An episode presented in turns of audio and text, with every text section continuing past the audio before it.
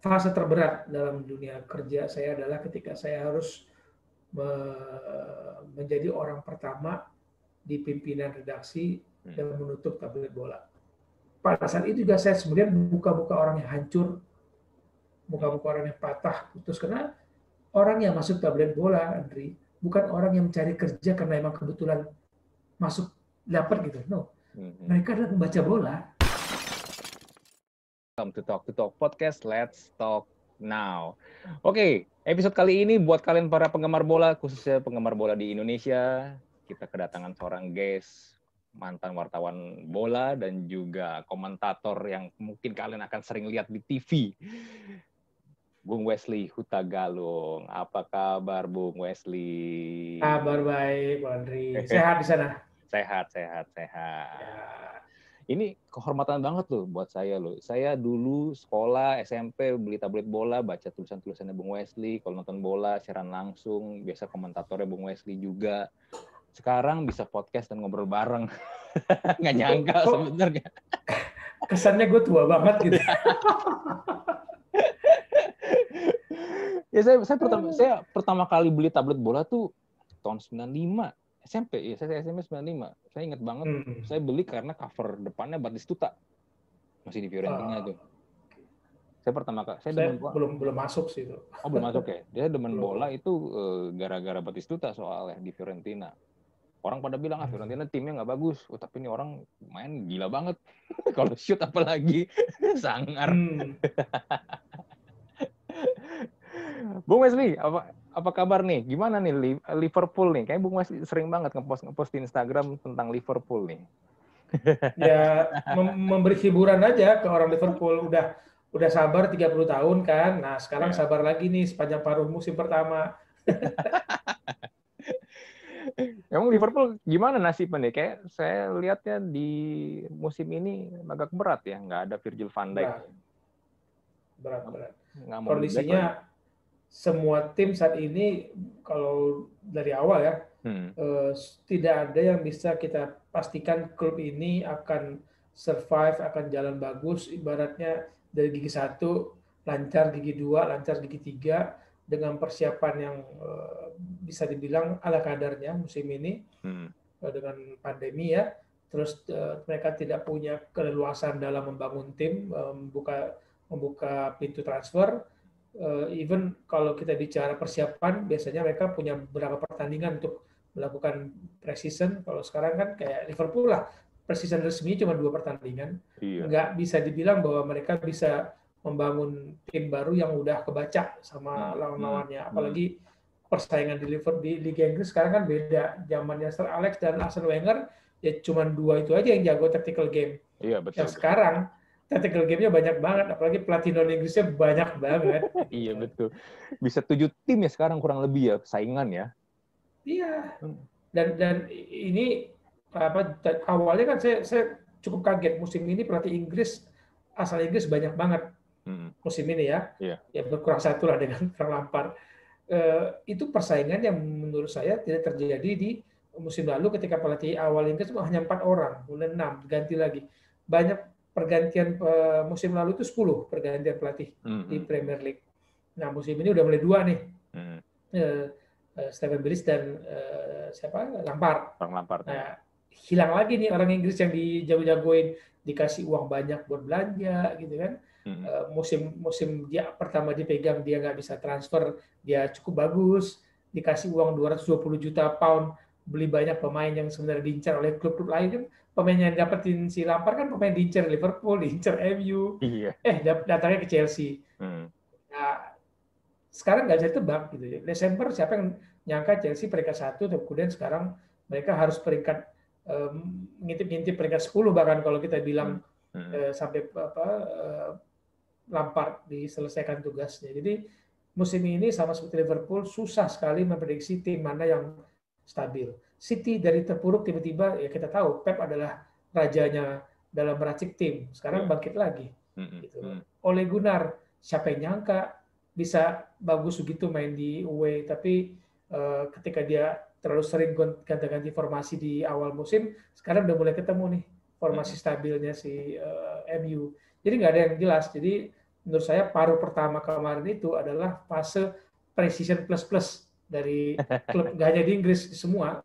Hmm, betul betul betul. Di Spanyol juga Barcelona sama Madrid mainnya juga ini ya angin-anginan ya kadang menang ya. bisa tiba-tiba kalah sama tim nggak jelas betul ini, ini bisa Atletico juara loh ini. iya iya iya kalau Real Madridnya gini-gini lagi ya aduh iya. Barcelonanya ada goncang di sisi ekonomi iya. sama sama apa posisi Messi hmm. ya yang kalau yang Madrid masalah lu di mana sih Madrid gitu kan. Nggak ada masalahnya.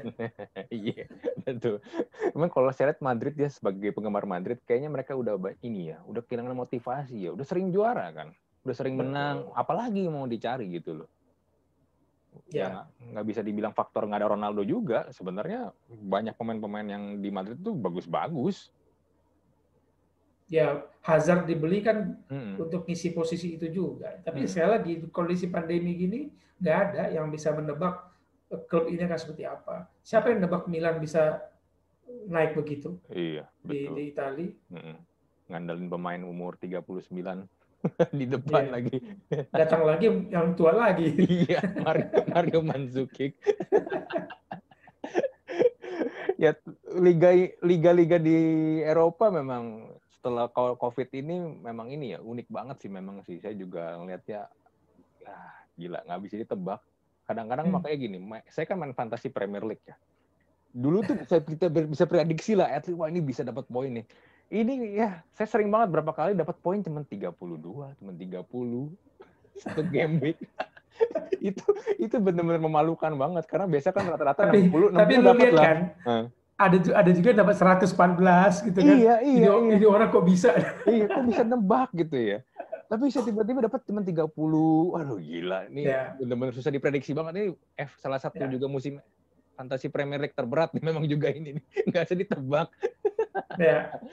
Makanya saya beruntung nggak ikut teman-teman yang uh, ada juga ya kita waktu masih di tablet bola di hmm. di bola sport itu kita bermain ya kecil-kecilan tapi tiap minggu itu ada ada ini ada kocek yang harus dikeluarin tiap minggu gitu.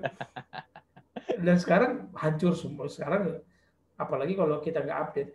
Jadi waktu itu kita nggak boleh memilih pemain dan setiap minggu boleh ganti, hmm. tapi nggak dihitung ininya totalnya hanya uh, jumlah per, poin, per per minggu itu gitu. Hmm. Nah dengan jadwal yang kacau begini kita nggak update selesai. Iya betul betul betul betul. Angin-anginan deh. Dulu ngandalin Kane sama Son. Wah di awal-awal keren nih. Eh sekarang Spursnya begitu. kacau, kacau. Anyway, uh, kita mau ngobrol sama Bung, Wesley nih. Bung Wesley ini kan wartawan senior ya di bola udah lama banget. Terus sekarang dia setelah di bola di Kaskus ya. Hmm. Yeah. Nah, kita pengen ngobrol-ngobrol nih. Bung Wesley ini sebelum jadi wartawan bola tuh memang demen bola, demen jurnalistik atau gimana sih? sampai akhirnya bisa kerja di bola? Ya sebenarnya di bola itu adalah uh, menjalani hobi yang dibayar. Gitu ya. oh, okay. Terus dapat privilege yang luar biasa. Gitu. Dari kecil saya olahraga. Gitu. Dari kecil tuh di kompleks perumahan itu hanya satu olahraga yang nggak saya mainin. Apa tuh? Golf. iya iya. Masuk akal kalau golf sih. Saya nggak ngerti apa enaknya main golf. Meskipun pada saat itu sangat murah. Uh, iuran kita sebulan hanya sepuluh ribu. Oh ya, di Jakarta mahal sih kalau golf. Kayak nggak pernah dengar ya. golf tuh murah kalau di Jakarta. Komparasi aja, waktu itu zaman saya main bowling itu satu game itu 200 perak. Oh. Di Jakarta 3.500. Hmm. Hmm. Komparasi aja ya di, di kompleks tempat saya dibesarin. Hmm. Main squash, main badminton tuh free, berenang free. Gitu cuma satu nggak saya ikutin itu ya golf itu gitu. Hmm. Teman-teman saya main golf saya nggak ngerti apa enaknya gitu. Jalan nggak ada keringat yang itu ya gitu, terus nggak ada apa ya oh, gerakan-gerakan yang membuat kita yakin bahwa itu olahraga gitu. Iya. Mungkin kayak ya, kayak gitu. catur kali ya. catur kan dibilang masuk olahraga, tapi kan kita nggak bergerak ya. saya setujunya kalau itu game sebenarnya. Iya, bener game kayak e-sport saya nggak setuju kalau e-sport dibilang olahraga itu is permainan game gitu ya anyway lah gitu ya eh, terus kemudian untuk uh, ketika saya mulai beranjak saya mulai dulu saya ngisi mading sekolah Oh, oke. Okay. Jadi kalau pertandingan-pertandingan badminton, uh, tanding antar sekolah basket gitu, saya report pertandingannya gitu. Jadi hmm. saya punya nama samaran dulu adalah gitu ya, uh, Sly nama saya gitu. Kalau jadi bikin report pertandingan. Jadi mulai ketika belajar menulis-menulis saya memang suka bikin buku tahunan kita juga yang uh, bikin saya bikin report uh, kita study tour dari mana saya itu saya catat jam sekian kita tiba di sini jam ini gini gini kita gini gini gini terus saya hmm. bikin jadi sebuah tulisan sebenarnya nggak kepikiran jadi jurnalis hmm. awalnya saya mau jadi akuntan karena uangnya banyak saya pikir dari awal saya saya itu melamar perbanas diterima. Tapi tapi satu hal yang membuat saya berubah ketika saya waktu itu kalau nggak salah ya eh, saya beli Tempo atau Forum majalah. Hmm. itu udah udah udah saya udah udah udah mau kuliah di perbanas saya udah udah masuk udah kirim apa pendaftaran. Saya beli waktu itu karena seminggu setiap hari saya pasti buka itu Kompas saya beli bola sama majalah. Majalahnya antara Forum dan Tempo saya gantian beli itu. Ada satu tema yang membuat saya berubah pikiran. Ketika itu saya lihat bacanya akan boomingnya media massa di Indonesia. Hmm. hmm. Tahun 90. Coba ya, saya, saya belok langsung berbelok ke arah ketika saya baca itu. Hmm. Saya harus masuk ke dunia komunikasi. Saya. Dan saya nggak, saya nggak, saya nggak tahu gimana caranya. Pokoknya saya masuk komunikasi, saya ambil jurusan jurnalistik, eh, kemudian saya mulai bekerja gitu. Dan sebagai anak pendatang di Jakarta, saya prinsip waktu itu nggak akan pernah mau lulus sebelum kerja. Meskipun saya dapat suplai orang tua saya eh, nggak nggak akan berkurang lah gitu ya. Eh, orang orang tua bisa bisa suplai. Tapi saya bilang saya nggak akan mau. Begitu saya lulus saya masih terima uang orang tua. Jadi saya udah kerja di tiga tempat sebelum saya kuliah dan tiga tiganya menulis. Hmm. Hmm. gitu. Adalah yang idealisme ada yang non idealisme tapi anak mahasiswa ya akhirnya saya pindah ke idealisme. Jadi wartawan kesehatan saya dulu. Hmm. wartawan kesehatan. Tapi karena saya rutin baca bola saya masih baca Kompas bola dan Tempo atau Forum ganti-gantian gitu lihat lamaran tahun 96 hmm. 96 saya ulang ah ini. Kalau dulu waktu SMP SMA saya pembaca bola itu eh, karena orang tua nggak mau langganan saya nyolong. Dulu beli bola itu kalau nggak nyolong dari perpustakaan sekolah saya mampir karena di daerah kan dia dulu langganan sama Kompas, Kompas baru dapat tablet bola dulu kan sisipan. Iya iya betul betul. Jadi tetangga-tetangga saya yang baca Kompas itu saya ngarang pulang-pulang saya masukin ininya ke dalam baju ini tablet bola nyolong saya baca. Jadi itu lekat banget ke saya tuh lekat sekali. Hmm. Eh, bahkan ketika saya kuliah pun waktu itu udah ada tablet Go. Kenal nggak? Iya, uh, tahu, tahu, tahu. Gue dulu sempat ada tuh. Ya, saya beli sekali hmm. waktu saya kuliah. Hanya sekali saya beli dan saya nggak pernah beli lagi. Hmm. Nggak tahu kenapa saya nggak bisa pindah hati dari baca bola. Hmm. Meskipun saya bukan bukan wartawan bola waktu itu saya masih kuliah. Hmm. Saya beli sekali saya ingat saya pindah lagi.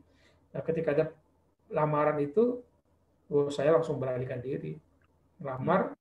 Dari sekian banyak orang lamar waktu itu hanya terpilih dua orang, satu dari Bogor IPB, eh, satu lagi saya. Ya hmm. Ya udah keterusan.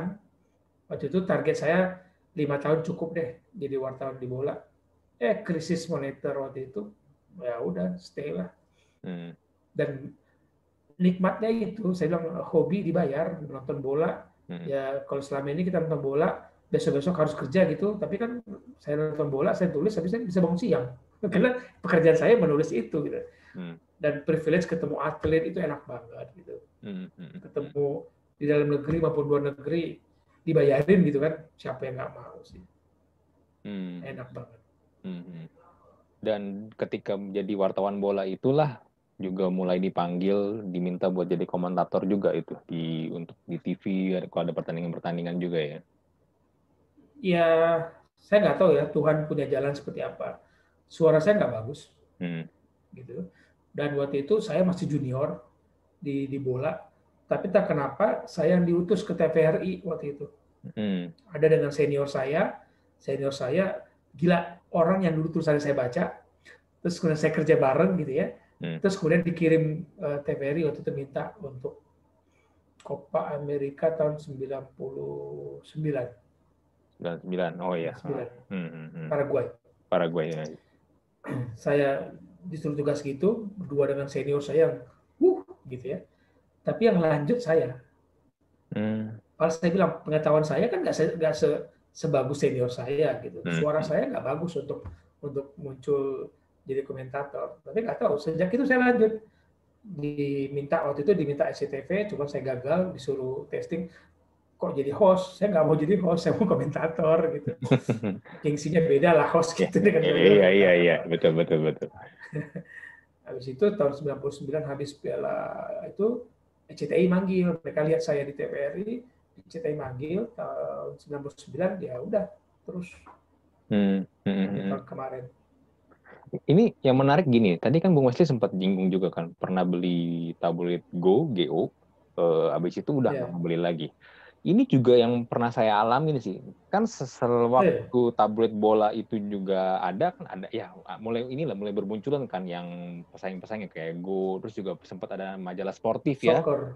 Soccer, high, majalah, ya. ya, ya, high soccer juga. Yeah uh, ya adalah beberapa tablet-tablet lain tapi gini loh ini mungkin yang membedakan kenapa orang tetap lebih suka libero ada di Jawa Timur wah kalau saya nggak tahu itu kalau libero. Tablet libero. Ya, kalau saya dulu dulu saya pernah belinya yang itu yang tadi go majalah sportif. Uh, tulisannya itu lebih apa ya nggak cuma sekedar yang kasih tahu oh kalau pertandingan ini lawan ini nanti yang main begini begini begini prediksinya begini atau setelah pertandingan ada reviewnya kan diulas. Pertandingan gini-gini yang nyetak gini-gini itu menurut saya hanya sekedar informasi doang kan tapi kalau di bola itu lebih mengajak atau mengulas lebih dalam lagi. Jadi kita tuh baca tuh enak tuh. Seakan-akan tuh kita tuh kayak lagi sedang emang uh, sebelum pertandingan kayak kita diajak kayak diajak ke dalamnya gitu itu itu mungkin feel yang beda beda banget sih ya. Dan ya itu yang saya rasain. Makanya kayak tadi mungkin Bung Wesley juga ngerasain hal yang sama kali ya. Ya itu yang saya saya rasakan nanti jadi ketika saya masuk bola sial kampret susah ya nulisnya hmm. gitu loh jadi saya kan bukan bukan wartawan baru ketika masuk tabloid bola hmm. tapi begitu saya masuk waktu itu masih terbit sekali seminggu itu tulisan saya dibuang-buang nggak begini nggak begini jadi kadang-kadang satu tulisan kita harus buka sumbernya kalau sekarang enak internet buka di mana-mana iya. dulu kita buka majalah yang bahasa Italia bahasa Spanyol terjemahin satu kata satu kata hmm. oh sini terus kita rangkai lagi lihat lagi dengan oh terus kita nonton oh ini maksudnya makanya kadang-kadang satu tulisan itu saya bisa bisa dua hari bikin tulisan hmm, hmm. mau terjemahin Itali satu-satu satu kata kan kita nggak tahu bahasa Itali iya hmm. nggak tahu bahasa Spanyol hmm, hmm. makanya tuh ulasannya Jadi, juga jauh lebih deep ya su ternyata susah hmm. jadi kita membacanya enak aja gitu ya begitu hmm, saya jadi masuk sial susah ya nulis untuk level bola ya gitu. Jadi karena dulu internet kan belum belum banyak gitu. Hmm. Kalau internet udah banyak, kita PR kita gini. Kalau pembaca punya sumbernya A, B, kita wartawan punya sumbernya A, B, C, D, E, F. Hmm. Ya kalau kita sumbernya A, B juga ya apa bedanya kita sama pembaca? Iya, betul. Dan nah itu buat kita kadang-kadang dari pagi sampai tengah malam di kantor. Hmm. Hmm. Hmm. hmm. Dan teman dari itu sendiri berarti kan membuat Bung Wesley sendiri kan juga wawasannya juga jadi lebih banyak dong untuk mau kayak misalnya lagi ini deh jadi jadi komentator kan juga nggak hanya sekedar oh ya tadi pertandingannya begini sih ini mainnya bagus oh ini ya. kurang nanti akan diganti kan saya sering banget tuh ya dengar komentator ngomong kayak begitu maksud saya ya nggak usah ngomong begitu saya juga tahu ini mainnya jelek pasti sementara ya diganti apalagi kalau kita memang udah demen sama satu tim ini ya dan dan dan lihat gaya pelatih hmm. pelatihnya dia ya ini pasti nggak lama lagi menit segini bakal diganti nih maksudnya ya kita sebagai penonton udah tahu tapi kan yang pengen kita tahu kan yang hal lain hal yang lain gitu loh hal yang mungkin yang yeah. kita ya tadi Bung Wesley juga bilang kalau kita tahunya AB ya kita pengen tahu yang C D E F G H I J-nya ini apa gitu loh kan itu yeah. kan iya. faktor-faktor yang sebenarnya kita nggak tahu ya karena itu ketika saya eh, di bola mulai menaiki jenjang karir eh, kepada teman-teman saya selalu mengatakan ha, dalam menulis berita yang paling membuat kalian berbeda adalah kalian punya dua aspek ini how dan why ketika kalian nggak bertanya ketika kalian nggak mengulas how dan why itu ya semua orang tahu what-nya tahu when where-nya orang tahu hmm. tapi why-nya orang nggak tahu Hmm. Makanya kadang-kadang kita lebih ya, itu yang uh, saya pernah uh, cerita. Kenapa saya tulis Ronaldo nggak pantas main di Madrid? Karena dang dang dang dang dang kita kasih basicnya gitu. Hmm. Yang mungkin orang nggak ngitung. Saya ngitung per menitnya dia dapat berapa waktu itu masih masih uh, mata uang Spanyol kan. Hmm, hmm. Berapa banyak. Nah, orang kan tahunya oh dia cetak gol. Oh iya semua orang tahu cetak gol.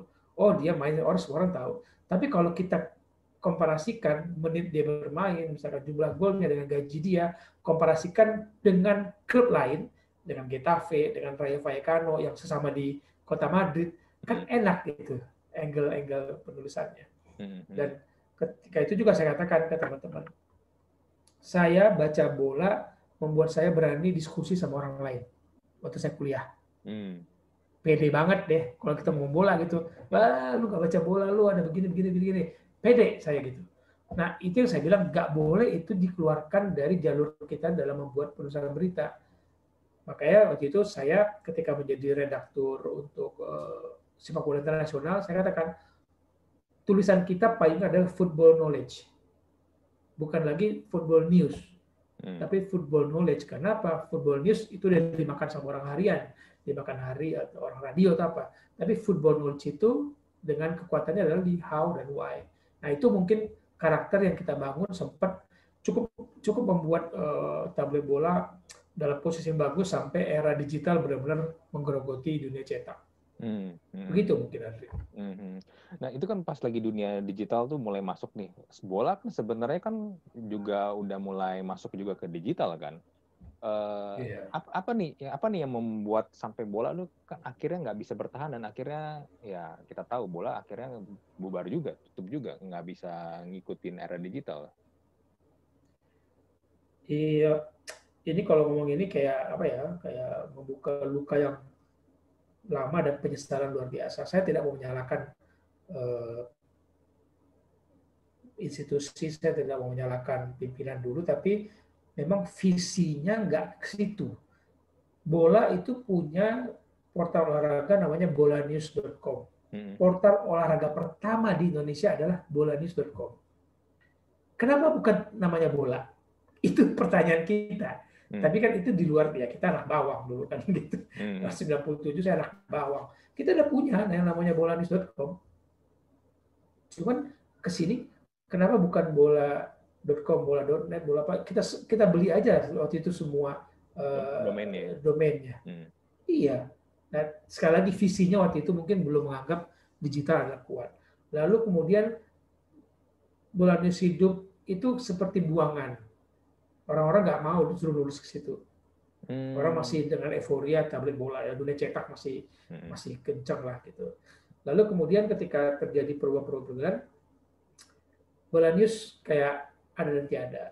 Tapi kita coba minta invest uh, ke, ke dulu saya kan minta invest ke owner ke pimpinan untuk mengembangkan bola news karena udah keteteran nih udah muncul yang lain kan hmm. banyak gitu nggak hmm. dikasih disuruh kita join sama kompas.com kemudian ketika itu saya diberi mandat akhirnya kita bikin namanya juara.net oh iya juara.net pernah dengar pernah dengar juara.net uh, hmm. ya kita mau kayaknya Eh, kelas tinggi lah gitu. Kita sampai bayar konsultan itu M gitu harganya. Kita mau kelasnya begitu, tapi nggak nggak secepat itu menghasilkan uang. Belum seperti sekarang. Sekarang bisa lumayan hidup gitu kan dunia digital. Kalau hmm. zaman itu belum bisa. Lalu bergerak lagi bergerak lagi tahun 2017 saya masih di, di apa di Kompas Media kita bentuklah yang namanya bolasport.com. Nah, hmm. bolasport.com ini gabungan lagi tuh dari beberapa perusahaan di Kompas Media ada ada tim dari Kompascom, ada Kompas dari Tabloid Bola, ada tim dari Juara Net itu, dari Tribun gabung. Yaitu kemudian eh, sempat ya saya cukup bangga lah tanggal saya masih ingat Juli kita launching tahun 2017 Desember saya masih ingat kalau hitungannya Alexa saya di Makassar dari Papua mau ke Jakarta saya eh, apa namanya eh, mampir di Makassar di dalam pesawat itu kita saya buka tuh iseng Alexa iya bolasport.com nomor satu sport portal sport olahraga hmm. di Indonesia tapi lagi-lagi bolasport.com namanya kan sama dengan bola ini bola ini bola banyak sekali nama bola iya. Uh. sementara orang tanya tablet bola ya harusnya namanya bola iya. betul betul betul. Jadi orang nggak tahu bola sport.com itu adalah anaknya tablet bola. Hmm. Orang nggak banyak yang tahu. Hmm, hmm, hmm, hmm. Ini berarti udah masalah ya. brandingnya ya? Iya. Ya, sekarang cek aja situs bola di Indonesia banyak banget kan. Hmm. Kalau saya boleh nyebut nama ya, hmm. bola com, bola net, bola ide, hmm. bola doang, bola lob, apalagi bola skor. Banyak, banyak. Banyak banget sekarang benar-benar banyak banget. Nah, yang yang punya tablet bola harusnya kan bola itu. Hmm. Ya, kalau mundur ya kita menyesali tapi ya sudahlah. Ya kesalahan kesalahan kita mungkin visinya nggak begitu kuat dalam melihat uh, perkembangan dunia digital ke depan. Hmm. Dan waktu itu ketika memutuskan bola akan selesai itu tahun 2000 berapa kemarin? 2017 ya kalau nggak salah. Correct me if 18 18 18 Oktober 2018 2018 uh, itu rasanya gimana tuh Bung Wesley kayak seperti berpisah dengan keluarga atau gimana tuh? um, fase terberat dalam dunia kerja saya adalah ketika saya harus me menjadi orang pertama di pimpinan redaksi hmm. dan menutup tablet bola. Hmm. Hmm. Gitu. Saya nggak pernah bermimpi jadi pemimpin redaksi tablet bola saya nggak pernah berambisi karena bagi saya that's not my uh, ya uh, my, my, my right journey. Kayaknya saya nggak ke situ. Saya ini bukan bukan orang uh, manajemen. Saya ini orang lapangan yang ke mana-mana saya mau kerja liputan apa gitu. Tapi tiba-tiba saya dapat kepercayaan hmm. termasuk untuk menggabungkan digital dan cetak itu saya diberi kepercayaan jadi pimpinan di situ. Tapi kenapa dia saya nutup gitu ya? Kenapa kenapa kenapa harus saya dan dan hmm itu termasuk uh, hal yang memerlukan dalam karir saya sih. Hmm. Hmm. Karena tablet bola itu ya bacaan saya dari kecil hmm. dan itu jadi rumah rumah rumah saya kedua keluarga saya gitu. Hmm. Tapi saya harus menutupnya dan melihat teman-teman saya berjuang kesulitan dan dan fase itu ya uh, dari tanggal anggap tanggal misalkan tanggal uh, eh, 8 atau tanggal 4 Oktober saya dipanggil CEO, saya dikasih tahu tablet bola akan tutup. Hmm. Oke, okay. wah dengan segala itu, tapi tapi Wesley kamu tetap bertahan. Pokoknya begitu tutup kamu langsung masuk ke PT kita adalah. Gitu. Tapi sama sekali tidak menghibur saya. Hmm. Dan saya belum boleh mengasih tahu karena kita masih persiapan Asian Games waktu itu ada para Games, Paralympic Games dan kita berjalan selama sebelum pemberitahuan itu kepada manajer manajer pimpinan di tabel bola itu saya diare tiap hari selama 8 hari. Hmm. Saya sebelum ke kantor mungkin tiga empat kali buang air dulu baru saya jalan ke kantor karena saya harus menahan informasi itu. Hmm. Tanggal 12, tanggal 14 kita panggil eh, teman-teman pimpinan kita umumkan saya sesaknya itu lega Gitu. Akhirnya saya berbagi beban sama teman-teman. Tapi pada saat itu juga saya sebenarnya buka-buka orang yang hancur, buka-buka orang yang patah, putus. Karena orang yang masuk tablet bola, Andri, bukan orang yang mencari kerja karena emang kebetulan masuk dapat gitu. No. Mm-hmm. Mereka adalah pembaca bola. Iya. Dan masuk itu adalah sebuah pride bagi mereka. Kenapa? Gue masuk di media olahraga yang tepat. Mm-hmm. Dan saya harus melihat muka-muka mereka, melihat keputusasaan and it's hurt sih nggak gampang hmm. Hmm. hmm. ya tapi memang keadaannya memang udah nggak bisa dirubah lagi waktu itu ya kita udah mau coba berbagai macam cara tapi hmm. uh, kita bilang boleh nggak dipertahankan begini begini begini begini tapi ya siapa sih owner pebisnis yang mau usahanya rugi terus hmm. yeah. ya kalau kita punya warung mau berapa lama warung ini akan rugi terus. Hmm, hmm. Sementara kan ada operasional yang keluar terus. Nggak bisa juga warung, kita misalnya punya lima warung, yang satu warung rugi terus. Terus yang empat warung tuh saweran, nutupin operasional warung yang yang rugi. Kan nggak bisa selamanya, beberapa lama. Yang warung ini juga kesulitan juga. Hmm, ya akhirnya harus diambil keputusan itu. Hmm. Tapi pas lagi pengumuman kalau tablet bola akan berakhir itu saya ngelihat di Twitter dan yang lain-lain itu ini ya eh, respon orang-orang ternyata ini banget ya. Surprisingly yeah. mereka sangat-sangat menyayangkan. Ya saya nggak tahu sih kalau Bung Wesley ngeliatnya gimana tapi ya jujur terharu juga yang ngeliat mereka ternyata sebegitu ininya uh, sama tablet bola. Yeah. termasuk saya juga gitu loh. Saya sih jujur sedih. Ya tapi ya saya juga ngeliat secara realistis mungkin udah susah bersaing juga. Ya tapi ya ngelihat sambutannya mereka ternyata ya masih banyak sebenarnya masih mencintai tablet bola ya. Mungkin juga karena menemani dari masa kecil kali ya termasuk saya juga sih itu. Betul betul. Ya terharu banget sih kita melihat uh, waktu itu saya nggak berani posting apa pun. Jadi hmm. yang pertama posting itu adalah teman saya Firzi. Hmm. saya nggak berani posting apa pun karena bagi saya itu adalah pukulan tamparan luar biasa ke saya. Hmm. sebagai pimpinan redaksi saya nggak bisa menyelamatkan teman-teman saya gitu dan saya nggak berani posting apa pun sampai pertama kali saya diwawancara adalah Mos FM. Oh oke, okay. Mos Radio ya, Mos FM. Mm -hmm. Mos FM Radio dan Tuhan saya minta izin hmm. diwawancarain, saya izin dulu ke ke direktur saya, boleh nggak? Karena berkembang ke mana-mana isunya saya nggak bagus. Hmm. Karena saya nggak ngerti kenapa teman-teman itu berani ngomong ketika mereka bukan pimpinan atau ketika mereka bukan lagi di tablet bola, sudah nggak di tablet bola, tapi mereka ngomong keluar mewakili tablet bola dan cerita bagaimana bola ditutup. Saya nggak ngerti. Hmm, hmm, hmm. Kalau saya sudah nggak di situ, saya dipanggil orang untuk ngomongin bola tutup, nggak akan datang saya. Kan bukan bukan saya lagi dan kebenarannya saya nggak tahu lagi kan situasi se, se, se, se, apa, sesungguhnya. Hmm karena itulah kemudian ketika uh, karena teman juga kan uh, Pak RT si Rudolf Tabu Bolon yeah. um, dan pengelola radio itu teman teman teman saya dari SD sampai SMA gitu ya CEO-nya medianya Mahaka uh, Adrian Syarkawi ya udah saya untuk pertama kali saya resmi mengatakan seperti apa tablet bola itu di Mos Radio. Hmm. Hmm.